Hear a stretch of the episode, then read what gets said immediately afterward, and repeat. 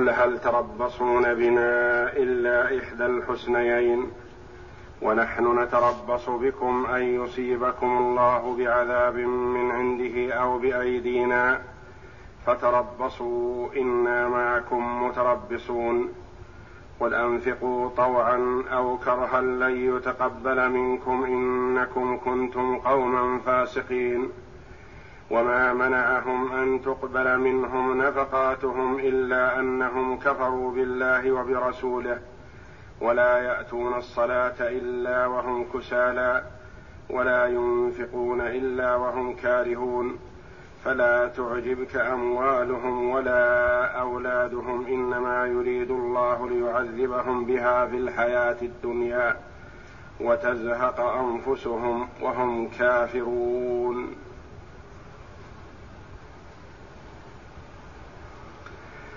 تقدم لنا في الايات قبل هذا الكلام على شيء من صفات المنافقين وفي هذه الايات يبين جل وعلا ما يقوله صلى الله عليه وسلم لهؤلاء المنافقين حينما كانوا يتربصون بالمسلمين الدوائر ويتوقفون عن الخروج مع رسول الله صلى الله عليه وسلم للجهاد في سبيل الله وكما تقدم لنا بان هذه السوره تسمى الفاضحه في انها فضحت المنافقين وبينت عيوبهم ومخازيهم وما يضمرونه من سوء تجاه الاسلام والمسلمين يقول الله جل وعلا لمحمد صلى الله عليه وسلم والخطاب لرسول الله قل هل تربصون بنا الا احدى الحسنيين قل لهؤلاء المنافقين الذين وصفهم الله جل وعلا بانهم ان تصبك حسنه تسؤهم وان تصبك مصيبه يقولوا قد اخذنا امرنا من قبل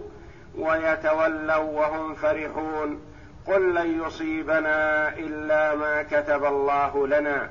هو مولانا وعلى الله فليتوكل المؤمنون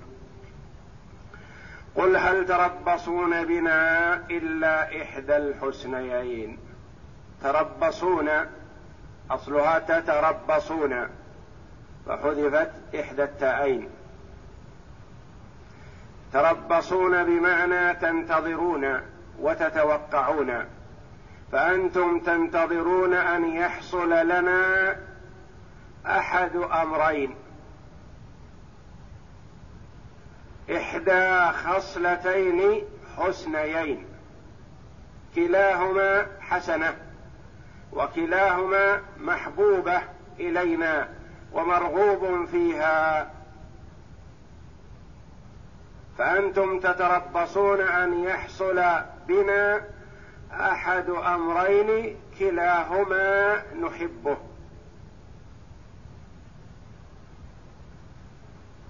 وهما النصر والغنيمه والرجوع بالنصر والغنيمه او الشهاده في سبيل الله القتل في سبيل الله وكلاهما يحبها كل مؤمن ان رجع منصورا بغنيمه من الكفار وبنصر من الله وتأييد فكل مؤمن يحب ذلك وهذه صفة حسنة محبوبة أو لم يرجع بأن قتل في سبيل الله فإذا قتل في سبيل الله فهو حي منعم في الجنة روحه في جوف طير خضر ترد أنهار الجنة وتأكل من ثمارها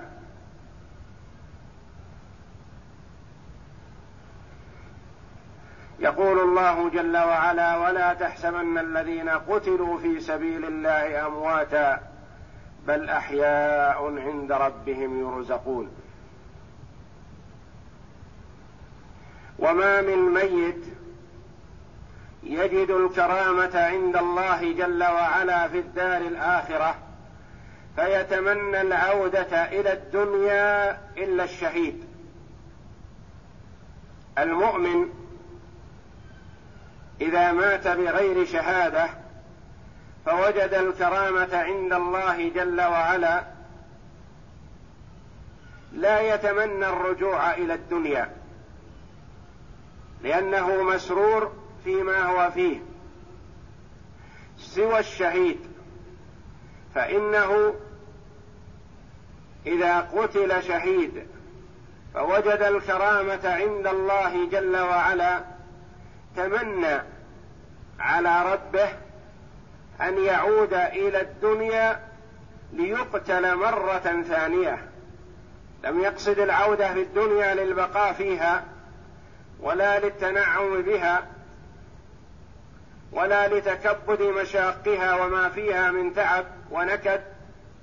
وانما يريد العوده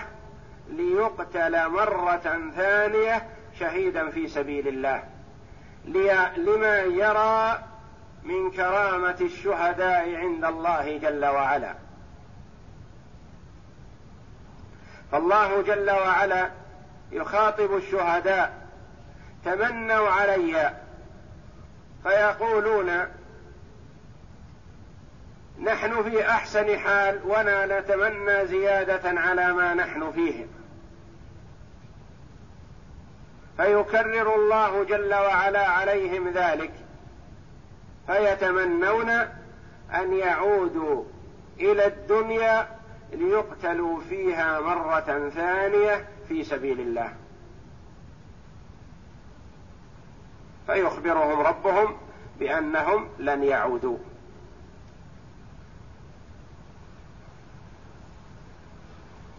فأفضل أمنية وأعز ما يطلب المجاهد في سبيل الله هو أن يقتل في سبيل الله شهيدا مقبلا غير مدبر ويتمنى النصر لإخوانه المجاهدين والشهادة له ولذا قال جل وعلا قل هل تربصون بنا إلا إحدى الحسنيين الحسنيين تأنيث الحسنى وهي صفة لموصوف محذوف إلا إحدى الخصلتين الحسنيين وهما النصر والرجوع بالغنيمه او الشهاده في سبيل الله ونحن نتربص بكم ان يصيبكم الله بعذاب من عنده او بايدينا نحن نتربص وننتظر بكم ما يسرنا وانتم تنتظرون فينا ما يسوءكم تنتظرون فينا خصلتين تسوءكم لانها تفرحنا ونحن نتربص بكم ان يصيبكم الله بعذاب من عنده بقارعه بمصيبه تنزل عليكم من السماء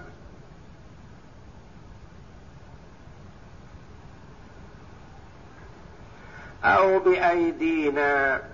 يامرنا ربنا بقتلكم وتعذيبكم وسلب اموالكم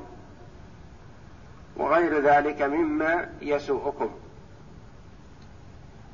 فتربصوا انتظروا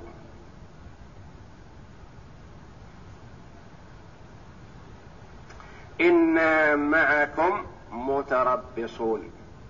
انا معكم انتظروا ما يحصل ونحن معكم منتظرون ونحن ننتظر ما يسرنا فينا وفيكم وانتم منتظرون ما يسوءكم فينا وفيكم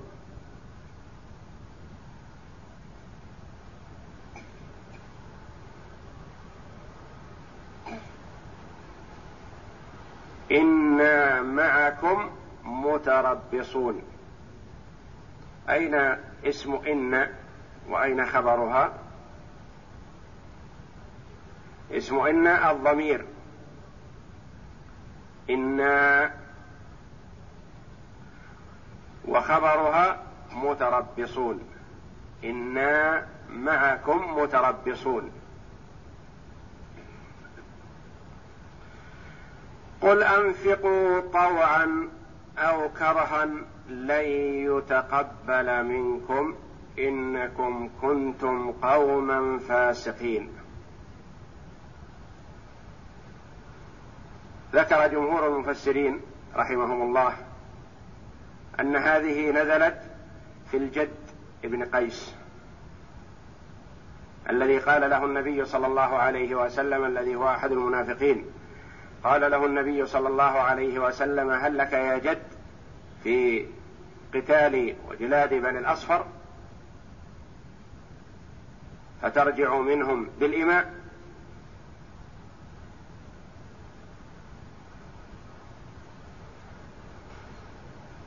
فطلب من النبي صلى الله عليه وسلم ألا يفتنه يخشى على نفسه هذا المنافق الفتنة إذا رأى جواري بني الأصفر ألا يصبر فيقع عليهن في الزنا وقال للنبي صلى الله عليه وسلم كما حكى الله عنه في آيات سابقة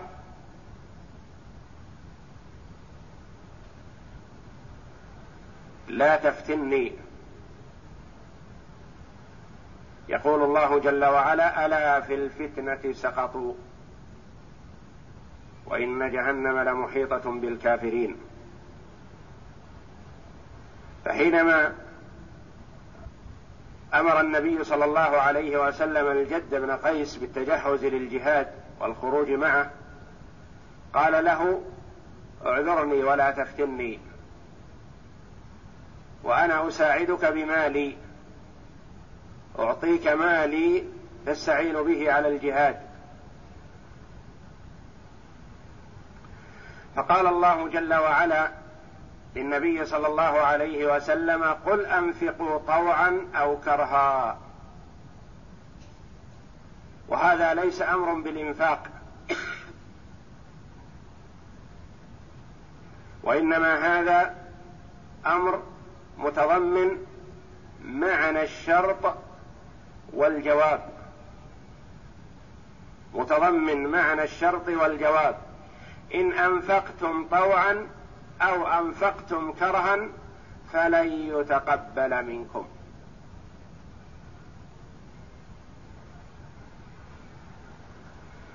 قل انفقوا طوعا او كرها إن أنفقتم وبذلتم الأموال طائعين مختارين أو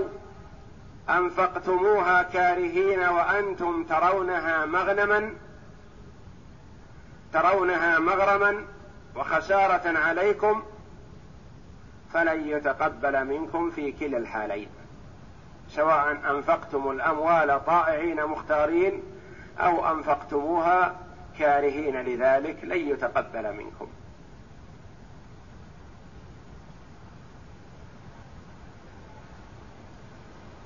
لأن القبول لا يتوقف على الإنفاق وإخراج المال فقد يخرج المرء المال ولا يتقبل الله منه لمانع وكما قال بعض السلف اهتمامه بقبول العمل اكثر من اهتمامه بالعمل العمل يعمله لكن يخشى ان لا يقبل يخشى ان يوجد مانع يمنع من قبول العمل فالعمل قد يعمله المرء لكن قد يرد عليه لصفه فيه هو يخاف على رد عمله من اجل صفه فيه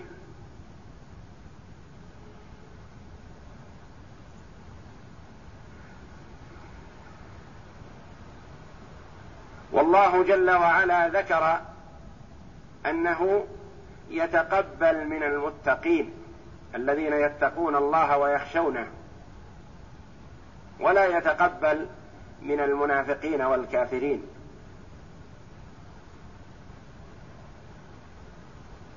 المراد القبول قبول العمل الصالح الذي ينفع في الدار الاخره من نفقه وطاعه تنفع في الدار الاخره هذه لا يقبلها الله جل وعلا الا ممن اتقاه انما يتقبل الله من المتقين فالله جل وعلا يقول لهؤلاء المنافقين على لسان رسوله محمد صلى الله عليه وسلم قل انفقوا طوعا او كرها سواء انفقتم طائعين مختارين او مكرهين ملزمين بالنفقه من الرسول او ترون انها غرم عليكم فانتم تكرهون الانفاق في هذا ففي كلا الامرين لن يتقبل الله منكم لما يقول الله جل وعلا انكم كنتم قوما فاسقين والفسق هو الخروج عن الطاعه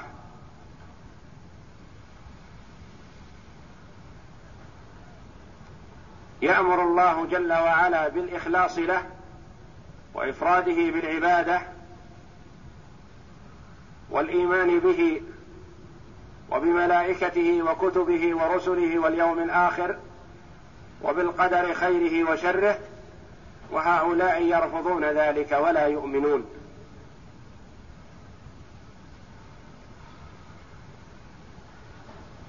والفسق قد يكون مخرجا من المله اذا اتى بمكفر وقد يكون الفسق غير مخرج من المله كالكبيره يعملها المسلم يقال هو فاسق بكبيرته لكن ليس بخارج من المله فمسمى الفسق واسع يشمل ما اخرج من المله فيقال للكافر والمنافق فاسق كما قال الله جل وعلا لهؤلاء المنافقين انكم كنتم قوما فاسقين وفسق غير مخرج من المله كما اذا ارتكب المسلم كبيره من الكبائر ولم يتب منها يقال له فاسق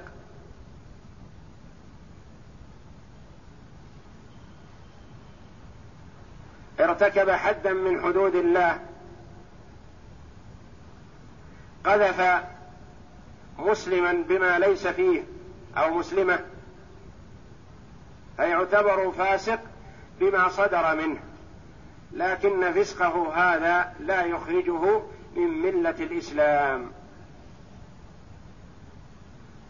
انكم كنتم قوما فاسقين وما منعهم ان تقبل منهم نفقاتهم اخبر الله جل وعلا بانه لا يقبل منهم نفقاتهم كان سائلا يسال يقول ولم يا ربي لا تقبل منهم نفقاتهم وهم ينفقونها مساعده للنبي صلى الله عليه وسلم في الجهاد في سبيل الله فالمال مبذول من اجل الجهاد في سبيل الله وقد قال الله جل وعلا مثل الذين ينفقون اموالهم في سبيل الله كمثل حبه انبتت سبع سنابل في كل سنبله مئه حبه والله يضاعف لمن يشاء يعني أكثر من ذلك فالنفقة في سبيل الله إذا كان مرادا بها وجه الله فهي بسبعمائة الدرهم بسبعمائة درهم والجنيه بسبعمائة جنيه وأكثر من ذلك والله يضاعف لمن يشاء وهنا قال الله جل وعلا قل انفقوا طوعا او كرها لن يتقبل منكم انكم كنتم قوما فاسقين وما السبب في عدم قبول نفقتهم بين الله جل وعلا ذلك في قوله وما منعهم ان تقبل منهم نفقاتهم الا انهم كفروا بالله وبرسوله ولا ياتون الصلاه الا وهم كسالى ولا ينفقون الا وهم كارهون هذا هو السبب في عدم قبول نفقتهم الا انهم كفروا بالله وبرسوله والكافر بالله وبرسوله لو انفق ملء الارض ذهبا هل ينفعه الأساس الذي يبنى عليه قبول العمل مفقود هو الايمان بالله واليوم الاخر الايمان بالله وبرسوله الايمان الكامل الايمان الذي هو التصديق الجازم مع العمل الصالح والاعتقاد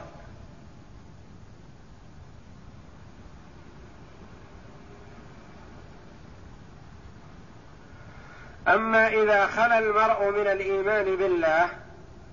فلن يقبل له عمل كما قال الله جل وعلا والذين كفروا أعمالهم كسراب بقيعة يحسبه الظمآن ماء حتى إذا جاءه لم يجده شيئا ووجد الله عنده فوفاه حسابه والله سريع الحساب أعمالهم التي في ظاهرها الصلاح لا أعمال الكفر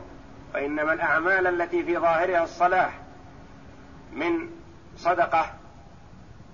وإحسان إلى الغير ونفع للمسلمين قد يحصل منهم فهذه يأجرهم الله عليها في الدنيا لأنه لا يدخر لكافر ومنافق نفاقا مخرج من المله حسنه في الدار الاخره وانما يعجل الله لهم حسناتهم في الدنيا يثيبهم عليها في الدنيا ويقدمون عليه في الاخره ولا حسنه لهم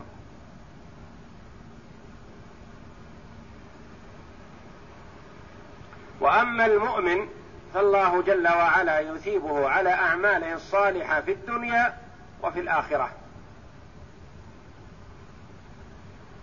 والكافر والمنافق يثيبه على عمله الصالح في الدنيا واما في الاخره فلا يجد شيئا اعمالهم كسراب بقيعه كالسراب يراه المرء من بعد كانه ماء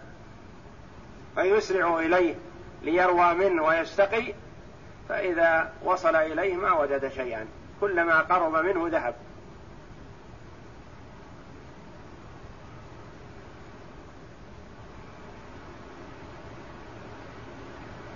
فالكفر بالله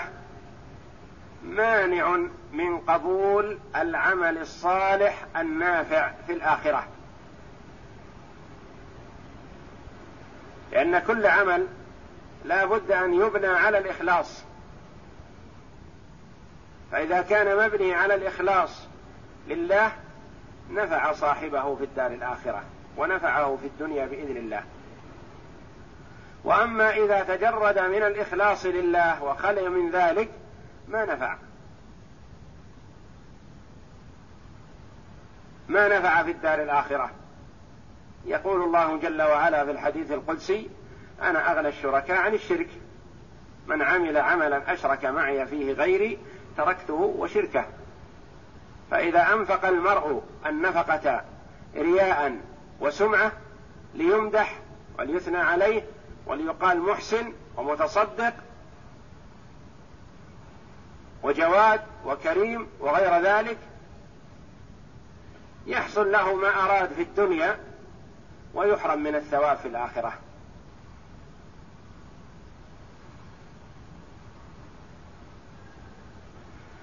وما منعهم أن تقبل منهم نفقاتهم إلا أنهم كفروا بالله وبرسوله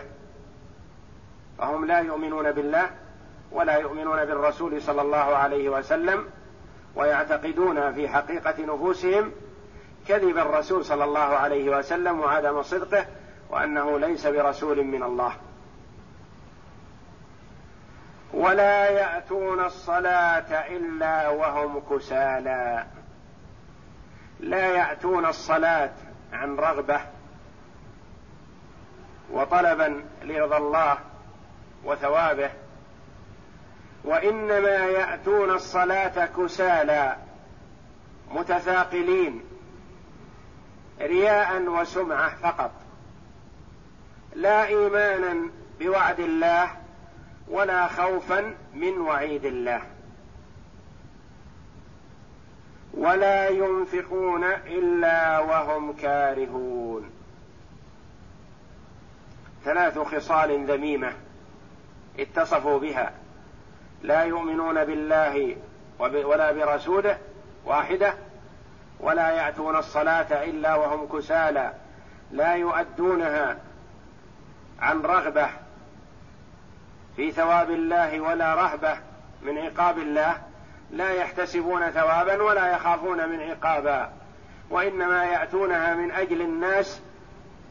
مع ما اتصفوا فيه من الكسل والتاخر الصفه الثالثه ولا ينفقون الا وهم كارهون لا ينفقون نفقه يطلبون بها وجه الله فالمؤمن يفرح في الإنفاق في وجوه الخير ويسر بذلك ويسارع لهذا لأنه مؤمن بالله وبرسوله وباليوم الآخر يعتقد أن النفقة التي ينفقها اليوم يجدها أضعافا مضاعفة في الدار الآخرة مؤمن بذلك فهو يبذل النفقة منقاد لذلك فرح بأن الله أقدره على هذا الإنفاق وقواه عليه ومحتسب الأجر والثواب من الله جل وعلا ومؤمن بأن الله جل وعلا متقبل صدقته ويربيها له فهو ينفق وهو مسرور بذلك مؤمن بوعد الله واما المنافق فهو ان انفق نفقه فهو كاره يراها مغرما يراها خساره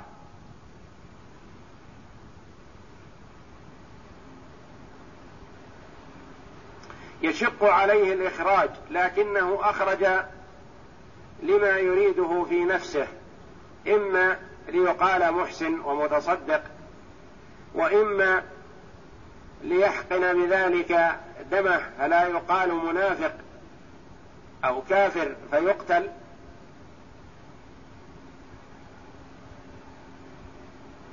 وإما ليأخذ بدلها أكثر فهدفه مادي بحت غرضه ما يستفيده في الدنيا فقط ولا احتساب له ولا رجاء له في ثواب الاخره ولا ينفقون الا وهم كارهون فهذه ثلاث من صفات المنافقين الذميمه يحذر الله جل وعلا عباده المؤمنين منها ويبين ان من اتصف بهذه الصفات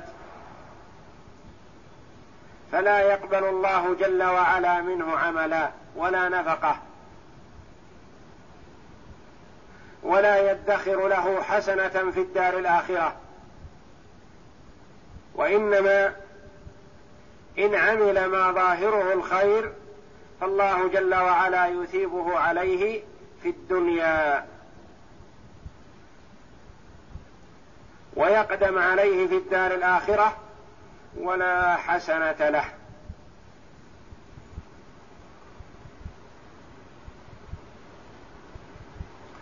يقول الله جل وعلا فلا تعجبك أموالهم ولا أولادهم انما يريد الله ليعذبهم العجب بالشيء السرور به مع الاغتباط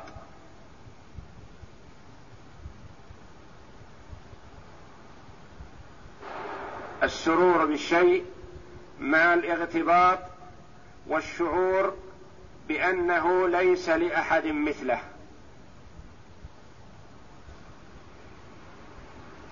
يقول الله جل وعلا لمحمد صلى الله عليه وسلم لا تعجب من اموالهم فلا سرور لهم فيها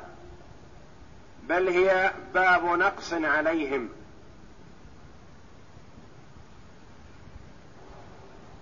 وليست نعمه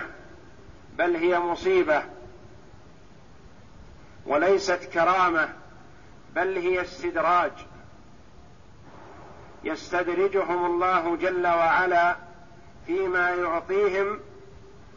ليستمر غرورهم وانهماكهم في المعاصي فلا تعجبك اموالهم ولا اولادهم وذلك ان الله جل وعلا يعطي الدنيا من يحب ومن لا يحب ولا يعطي الدين الا من احبه ولو كانت الدنيا تزن عند الله جناح بعوضه ما سقى كافرا منها شربه ماء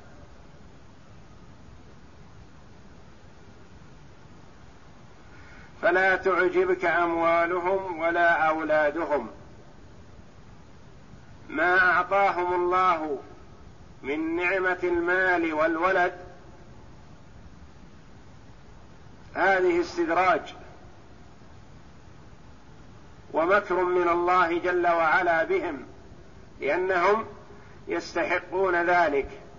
فهم يخادعون الله والله جل وعلا خادعهم ويمكرون ويمكر الله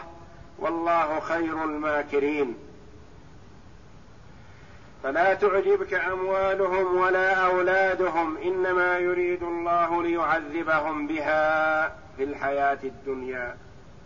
وتزهق انفسهم وهم كافرون انما يريد الله ان يعذبهم بها في الحياه الدنيا وتزهق انفسهم وهم كافرون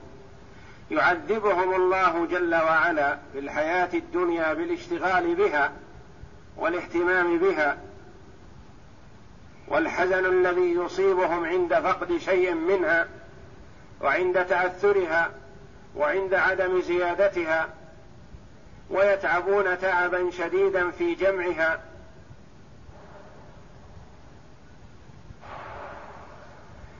انما يريد الله ليعذبهم بها في الحياه الدنيا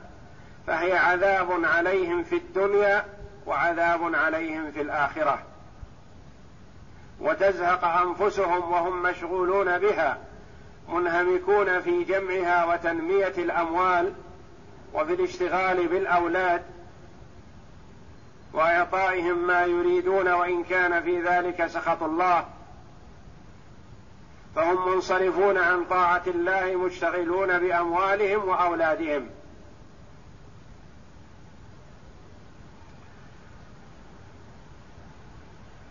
وقد قال قتاده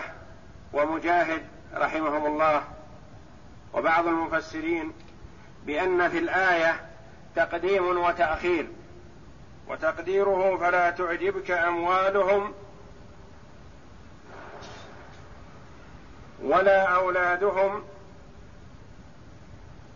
في الحياه الدنيا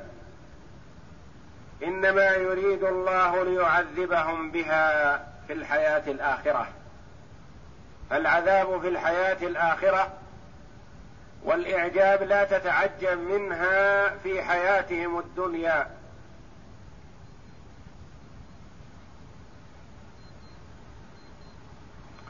وممكن أن يتأتى العذاب في الحياة الدنيا بهذه الأموال والأولاد بما يحصل عليهم من الشقى والتعب في جمعها والحرص على تنميتها فقد يعذب المرء بماله في الحياه الدنيا مع كثره ماله يعذب به يتعب من اجله تعبا شديدا ولا يغنم منه شيئا يتركه لمن بعده اوفر ما كان فيكون عليه تعب جمعه ولغيره غنمه وفائدته وعليه حسابه في الدار الاخره انما يريد الله ليعذبهم بها في الحياه الدنيا وتزهق الزهوق الخروج بشده تخرج انفسهم بشده تخرج ارواحهم عند قبض ملك الموت لها بشده وهم كافرون لم يحدثوا توبه ولم يرجعوا الى الله ولم يؤمنوا به ولا برسوله صلى الله عليه وسلم فهم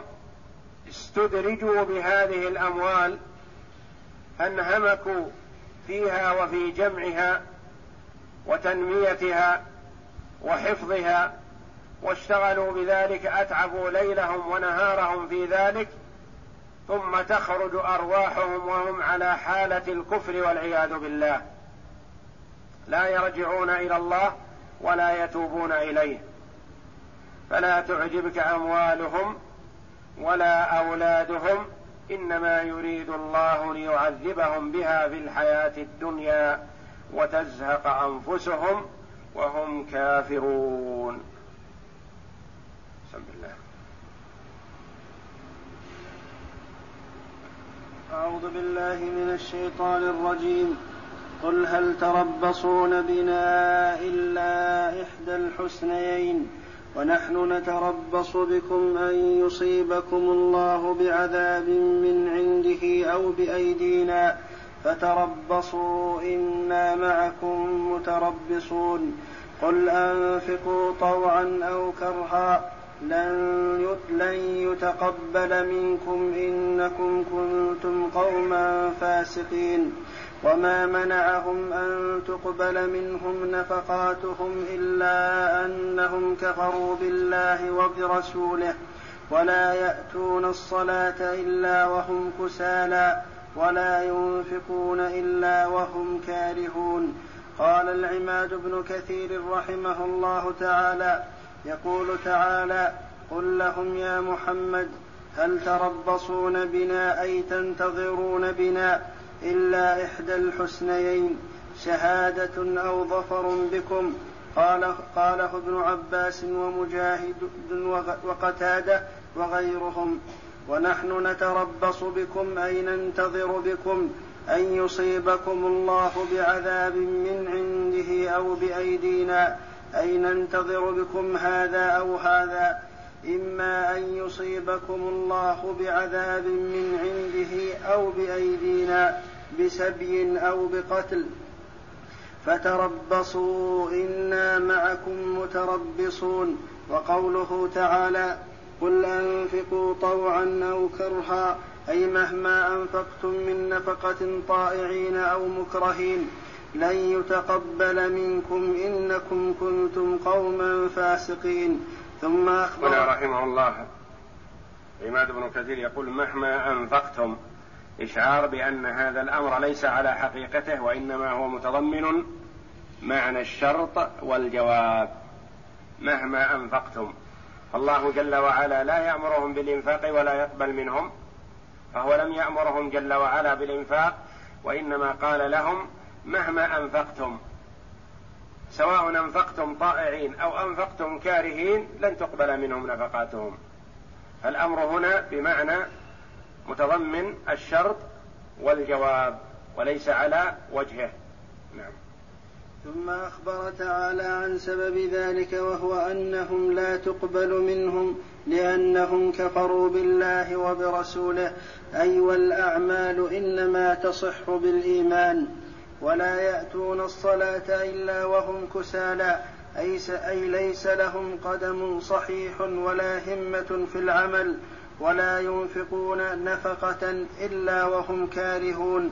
وقد اخبر الصادق المصدوق صلى الله عليه وسلم ان الله لا يمل حتى تملوا وان الله طيب لا يقبل الا طيبا فلهذا لا لا يقبل كل نفقه جل وعلا وانما يقبل الطيب منها فالمرء اذا انفق في سبيل الله من مال خبيث ما يتقبل منه ولا ينفعه ذلك واذا انفق نفقة ولو قليلة من كسب طيب فالله جل وعلا يتقبلها بيمينه فيربيها لصاحبها كما يربي المرء فلوه نعم فلهذا لا يقبل الله من هؤلاء نفقة ولا عملا لأنه إنما يتقبل من المتقين أعوذ بالله من الشيطان الرجيم فلا تعجبك أموالهم فلا تعجبك فلا تعجبك اموالهم ولا اولادهم انما يريد الله ليعذبهم بها في الحياه الدنيا وتزهق انفسهم وهم كافرون قال العماد بن كثير رحمه الله تعالى يقول تعالى لرسوله صلى الله عليه وسلم فلا تعجبك اموالهم ولا اولادهم كما قال تعالى ولا تمدن عينيك إلى ما متعنا به أزواجا منهم زهرة الحياة الدنيا لنفتنهم فيه ورزق ربك خير وأبقى وقال أيحسبون أن ما نمدهم به أيحسبون أن ما أيحسبون أن ما نمدهم به من مال وبنين نسارع لهم في الخيرات بل لا يشعرون وقوله انما يريد الله ليعذبهم بها في الحياه الدنيا قال الحسن البصري بزكاتها والنفقه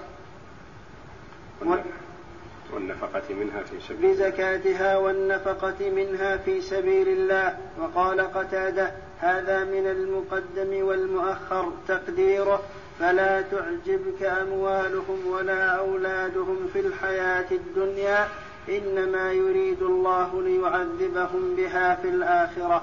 واختار ابن جرير قول, قول الحسن وهو القول القوي القوي الحسن وقوله وتزهق أنفس أنفسهم وهم كافرون أي ويريد أن يميتهم حين يميتهم على الكفر ليكون ذلك أنكى لهم وأشد لعذابهم عياذا بالله من ذلك وهذا يكون من باب الاستدراج لهم فيما هم فيه والله اعلم وصلى الله وسلم وبارك على عبده ورسول نبينا محمد وعلى اله وصحبه اجمعين